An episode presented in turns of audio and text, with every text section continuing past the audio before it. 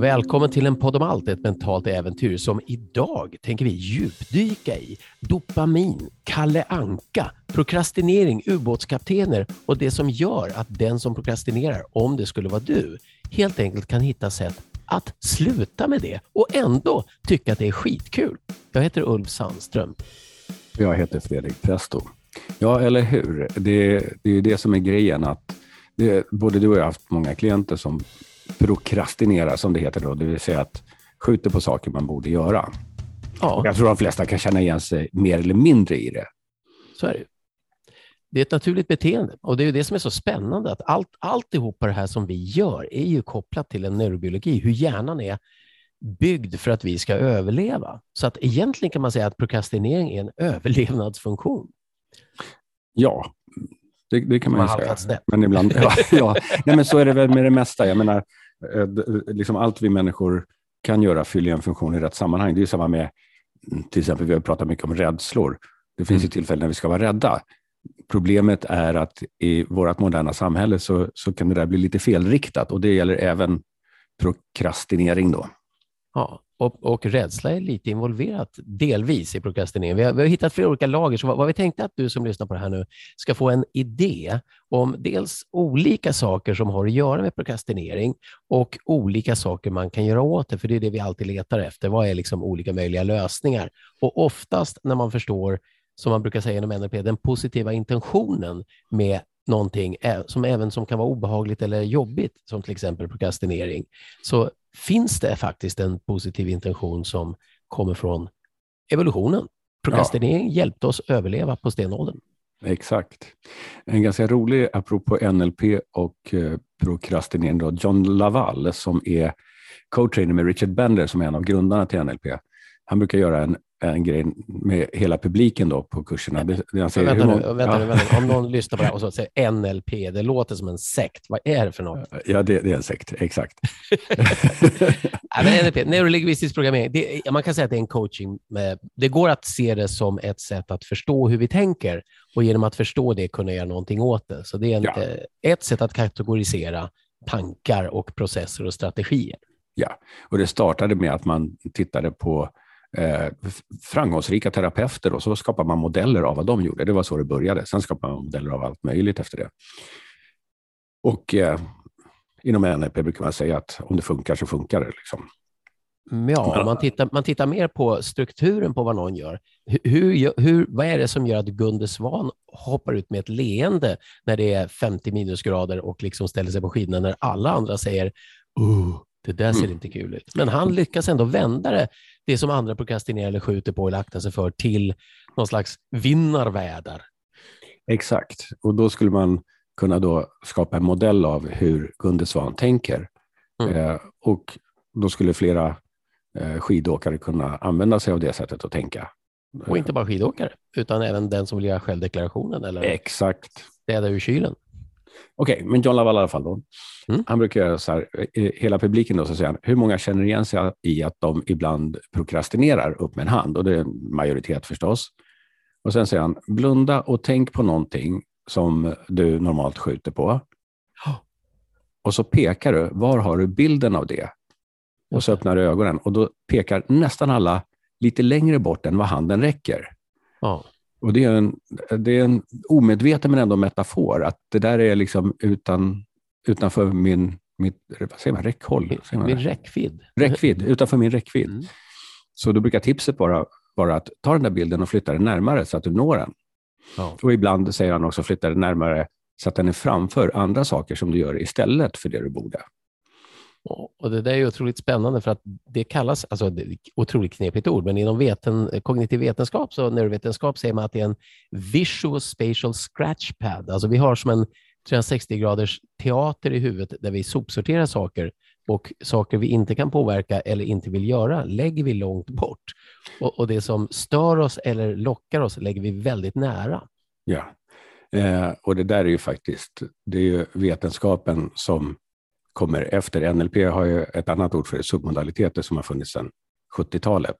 Så det här, har man, det här har man rent praktiskt förstått inom NLP, men NLP är inte en vetenskap. Nej. Ja, men vad coolt då. Så, då. så i princip folk bara blundar och så ser de liksom eh, en, en pizza och bakom pizzan självdeklarationen och då drar de deklarationen framför pizzan helt enkelt. Ungefär så kan man säga. Ja. Och det här är, bara, det är mest som en rolig grej, men, men det, är också, det, det funkar faktiskt. Om man gör det på det sättet så får jag har gjort det ungefär så många gånger med klienter. Och Det finns ju mängder av olika coachingtekniker som verkar så förbluffande enkla, men som faktiskt fungerar väldigt bra. Att man helt enkelt flyttar någonting som man eh, tycker är obehagligt, till exempel, bort till en plats där man har idéer om saker som är behagliga. Men vi, vi ska inte mm. ta den, vi ska ta procrastinering och kalanka. Där känner jag att vi har... ja, men där, för där har vi liksom... Och så därifrån hoppar vi raka spåret vidare till Anna Lemke. Det blir spännande. Ja, men det, det blir perfekt. Så eh, kalanka då, det här brukar jag berätta för mina klienter som prokrastinerat när jag var barn och gick i skolan. Så var det ofta jag hade någon läxa som jag borde göra, som jag tyckte var tråkig. Och sen hade jag det jag ville göra, som var läsa kalanka tidningen Såklart. Och, ja, såklart. Eh, och då, då blev det ofta så att jag liksom... Jag, jag tyckte inte att jag hade, eh, att jag liksom hade rättighet att läsa kalanka tidningen om jag inte hade gjort läxan. Och läxan var tråkig. Så då blev det att jag gjorde ingenting tills det blev panik och jag måste göra läxan. Och sen hann jag inte läsa kalanka tidningen Och då kom jag på efter ett tag, alltså, så här kan jag inte hålla på. Och då tänkte jag, jag hade två varianter på det där. Det ena var att jag faktiskt ibland gjorde läxan och sen ofta hann läsa kalanka tidningen efter.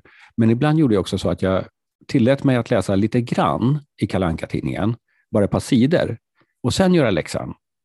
Så att jag gjorde någonting roligt först och sen gjorde läxan. Och sen om jag hann läsa vidare efter det så fick jag göra det.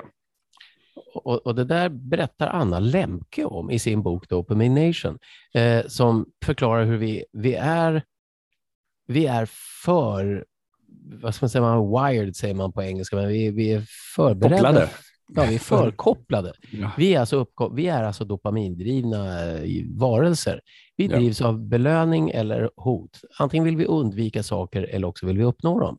Mm. Och Då finns det en jag ska komma tillbaka till Dopamination, men jag vill bara nämna en annan studie då som sammanfaller med det här som tittade på hur det är två delar av hjärnan. En del av hjärnan är sånt som är kopplat till undvik eller vill ha, det vill säga vårt, eh, vårt njutningscentrum och vårt eh, undvika utav helvetescentrum Just det. livet. Och, och det limbiska eh, systemet Ja. Och där finns det mycket omedvetna drivkrafter och saker, för det där ska ju funka utan att vi tänker oss för. Vi råkar lägga handen på en spisplatta och dra bort den jättefort så vi inte bränner oss, eller vi lägger mm. handen på en fluffig hundvalp och så är den kvar därför att det var mysigt. Mm. Så att allt det där är det limbiska systemet som då är kopplat till belöning och belöning är dopamin. Där har vi koppling tillbaka till Anna. Eh, och då är det en kamp mellan limbiska systemet och vårt, eh, vår frontalkortex, eller prefrontalkortex, som är vår exekutiva funktion, den som är lite mer sådär logisk och rationell och säger att du, du, borde deklarera. Ja, men pizzan ser ju så god ut. Så att när limbiska systemet vinner så, så, så, vinner det tillfälligt. Och då kan man säga så här, om man då går tillbaka till hur vi använder dopamin för att belöna oss, att om, om du borde göra läxan mm. och sen så för att få läsa kalanka, då är det tvång, tvång, tvång, tvång, tvång, belöning. Mm. Och då får du, du får ingen dopamin, du har ingen dopaminpower för att göra läxan, för att det är bara ångest som gör läxan för att sen bli belönad. Ja, om, du ser, om du ser fram emot kalanka tillräckligt mycket, då kan du göra läxan med ett leende därför att du får dopamin, för dopamin är ett, ett förväntanshormon. Kan, Precis, så jag vet kan, att det leder till att jag ja. kommer att få läsa kalanka. Ja, ja. Och, och då är det lite så här, varför gör du läxan med ett leende? Jo, för snart ska jag läsa kalanka. Ja. Och, och det kan funka för vissa och vissa dagar. Men andra dagar så kan man då istället, som du gjorde då, göra så här, jag läser lite kalanka så jag får lite dopamin och så använder jag den dopaminkicken för att orka göra lite läxa och se fram emot nästa kalanka kick och, och, Det är det som Anna Lemke kallar för self-binding. Man begränsar hur man belönar sig så att man inte bara belönar hela tiden. Nej, precis. För om man bara belönar så kan det också bli att då får man dåligt samvete för att man inte har läst läxan. Exakt. Och då kan man till och med behöva belöna sig ännu mer för att slippa den jobbiga känslan av att inte ha gjort läxan. Och, och, där, har du, där har du nyckeln till nästan allt all självmedicinering, all, nej, all, inte alls all, uh, bu för all. Nej, ja. okej, okay. jättemycket självmedicinering, eller om vi nu ska kalla det för missbruk, bygger på att, att du vänjer dig vid en kick som du inte kan få på något annat sätt. Och om du kopplar det till ångest då, att eh, jag har ångest för att jag inte gör deklarationen så jag, jag äter lite pizza. Och samtidigt som du äter pizzan så, så bygg, bygger du mer ångest för varje sekund du inte gör deklarationen. Så mm. då, då måste du dämpa det på ytterligare något sätt. Och alla sätt kommer att öka ångesten som inte är att du gör deklarationen. Med andra ord, från pizzan går du till att städa kökslådan, går du till att ringa en kompis, går du till... och mm. hela tiden under det här så ligger en ångest som gnager och driver det här dopaminbehovet. Just det. Tills det blir ohållbart och du helt ja. enkelt är tvungen och då, då är det eller, mer panik som driver. Eller startar en egen pizzeria. Det kan ju faktiskt vara så. Alltså det här, jag säger inte att det alltid blir dåligt. Eh, på ubåtar, där har man en princip. Eh, alla, alla på en ubåt är lika beroende av varandras luft. Om en börjar eh, hyperventilera så försvinner luften för de andra, mm. eller syret då. Ja. Så man har en princip för att alla är jämlika där, till skillnad från många andra fartyg. Så en, en kapten på en ubåt, när han går i land och alla står med pompa och ståt och gevären på axlarna och uniformer, hon tar soppåsen med sig demonstrativt för att visa att den som går först i land tar soporna med sig. Mm. En gammal tradition, inte alla länder då, men eh, jag tycker det är sympatiskt därför att det är att det är en omramning som säger jag tar inte soporna för att jag måste, jag tar soporna för att visa ett högre syfte. Mm. Och, och, Det är också ett sätt att slippa prokrastinering. Jag gör, inte, jag gör inte min deklaration eller går ut med soporna. Jag går inte ut med soporna för att jag måste gå ut med soporna, för det är ju tvång och det är inget dopamin. Jag går ut med soporna för att jag har ett rent och väldoftande hem och jag får lite motion i trappan och jag tycker det är så jävla roligt att få vinka åt pizzerian mitt över gatan. Ja, eh, som... där har vi det vi, vi kallar också för tillmål och frånmål. Just det. Det vill säga att eh, om vi rör oss mot någonting vi vill ha så är det oftast enklare än att röra oss från någonting vi inte vill ha. Men som vanligt, båda fyller en funktion i rätt sammanhang. Ja, så en, en del av, av prokrastinering kan vara att man fastnar i den här ångestdövningsloopen. Just det. Där man helt enkelt, det är lättare att uh, göra något mer random än att göra uppgiften. En annan variant, och, och det kan man då balansera genom att använda små dopaminkickar för att få fart på ekipaget och sen eh, helt enkelt ha självdisciplin. Mm. Och, och, då visar det sig i den här forskningsstudien att när man gör saker med lite mer självdisciplin så känner man sig så duktig att man får en kick av det. Mm. Så att helt enkelt Exakt. göra saker. Och Då finns det en annan antiprokrastineringsmetod som är 5, 4, 3, 2, 1 och så ska man ha gjort det på, när man säger rätt så ska man bara resa sig upp. 3, 2, 1, 0, nu! Man, det påminner man... lite om uh, eh, TGK. Ja, och då tänkte jag att är det inte TGK som vi ska ge folk? Ja. Du som lyssnar, här ska du få TGK. Det finns alltså flera sätt att lösa prokrastinering. Jo, jag kan säga en sak till. Eh, Lustig med belöningssystemet. Om du går i skolan och så skjuter du på att plugga för en tenta eller någonting, eller examen eller ett prov bara. Då får du lite ångest, ångesten byggs upp och så får du mer ångest och till slut är det så mycket ångest så att det är ångesten som driver dig att plugga som fan natten innan. Och, och då är det 90 koppar kaffe och stora ögon och så klarar du det där provet. Trots att du gjorde det så otroligt mycket ångest innan och sen eh, uppe sent på natten. Helt ohälsosamt, men du klarar provet och då får du en belöningskick av det som säger ah, jag gjorde det fan, jag klarar det ändå. Vi gjorde det, en räddningspatrull. Och då, då blir det förknippat med en viss ångestblandad njutning att skjuta på saker. Och, och det funkar ju jättebra hela skoltiden tills man då får en hundvalp eller barn som, ja. som inte anpassar sig efter det där schemat. Nej, de gör ju inte det. de gynnarna. De ja. gynnarna. Eh, ja, TGK då, det står för tänk till, det vill säga vad du, vad du ska göra helt enkelt. Och det är det vi kallar för tillmål. Och sen gör direkt. Gör det du ska och sen känn efter. För grejen som många av oss gör, det är att vi tänker det här borde jag göra och sen känner man efter före så att säga. Det är att du ja. känner efter, men man känner efter före. Och så känns det, nej, men det här känns tråkigt, det här känns inte bra. Och då blir det att kliver, man inte gör. Och då kliver limbiska hjärnan in och säger akta dig för det där. Ja, precis. Så men då, då ska du inte lyssna på den? Nej. så ett väldigt bra exempel på det, det är kallbad eller kallduscha som många håller på med nu för tiden. Om du ska gå in eller hoppa ner i en isvak, säger vi. Om du tänker jag ska hoppa ner i isvaken och sen känner efter, hur kommer det att kännas? Oh, kallt, läskigt. Nej, det där är nog inte nyttigt, det ska jag inte göra. Men om du tänker, jag ska hoppa ner i isvaken och sen bara gör det och sen känner du efter, då är det oftast en bra känsla. Och till och med lite euforisk eftersom det ja. är så otroligt många eh, saker som händer i kroppen då. Och vi, vi ska inte gå in på kallbad eh, i detalj här, men, men vi rekommenderar det. Det är en cool grej, bokstavligt talat. En sak till med TGK som är, som är intressant är att just det där man säger med att Åh, jag vet att jag borde träna, men jag kommer inte iväg för jag känner inte för att träna. Då har man mm. känt i förväg. Du mm. kan inte känna för att träna om du inte känner för att träna. Eh, vad du kan göra är att du kan bara gå och träna och så kan du få den där dopaminen efteråt som gör att du kan träna nästa gång mm. för att mm. du kom på hur bra det var. För de flesta tycker det är skönt efteråt. Eller så får du helt enkelt skaffa lite dopamin på något annat sätt för att kunna träna. Så om du mm. tänker att jag läser två sidor kalanka, sen går jag direkt och tränar. Surfa på den lilla dopaminblippen ja. där. Det Anna varnar för det är att vår smartphone då, hon kallar den faktiskt för en modern dopaminspruta. Mm.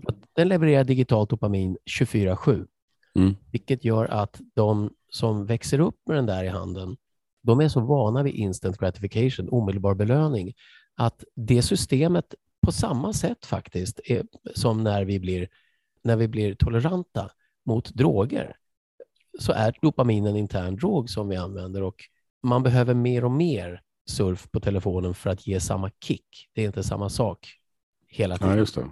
Just det. Så, att det gör att man faktiskt varje gång man använder det som ett sätt att belöna sig utan ens tänka på det, bara tar upp och kollar Facebook, tar upp och kollar mm. något annat, tar upp och kollar Snap, då innebär det att man faktiskt bygger neurala nätverk i hjärnan som kräver mer dopamin.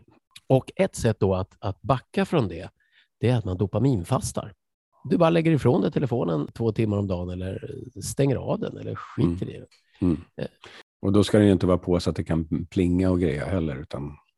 Den, och den ska inte ligga bredvid dig med skärmen uppåt eller ens neråt. För det finns studier som visar att telefonen med skärmen neråt på bordet är fortfarande en lite av en stressor som gör att man skulle vilja vända på den och se vad som händer. Mm. Så den ska helst vara utom synhåll. All right. Så om vi ska sammanfatta det här nu då om du inte känner för att göra något, känn inte efter, utan gör det. så får du, får du bra känsla efteråt. Och Då kan Exakt. du köra 5, 4, 3, 2, 1 eller vad som helst. Eller boosta ditt dopamintillfället. Om du har en pizza och deklaration, ta en tugga och sen gör deklarationen. Sen får du ta en tugga till. Ja. Och så kom ihåg att eh, prokrastinering kan vara olika för olika människor. Men eh, om du är som John Laval, vad gör du då?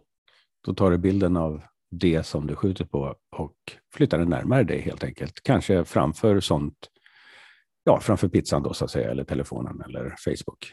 Ja, och så kan du koppla det till någon slags omramning som är det här gör jag inte för att jag måste utan för att jag vill och det gör mig till en bättre människa än alla andra. Nej, inte så ska man inte tänka, Fredrik. bättre människa nu än jag var för en minut sedan. Just det, man ska alltid jämföra med sig själv. Det här ja. gör mig till en bättre människa än det jag var förut. Ja, alltid i alltid ett stadie av förbättring. Det låter bra. Ja. Om, man, om man vill veta mer om sånt här, då, vad gör man då? Då kan man läsa på, man kan googla strategier, NLP, köp boken Alla Lemke, Dopamination, skitintressant. Kolla studier, lär dig lite om NLP, det är faktiskt otroligt användbart. En sak till man kan göra, om du, om du tycker det här är spännande och vill åka ut på en lite längre resa, då kan vi rekommendera antingen ljudboken eller boken Unpack Your Existence på Amazon som vi har ägnat åratal åt att eh, få ihop 34 hypnotiska undersökningar av livet. Ett, en kul resa, eller vad säger du Fredrik?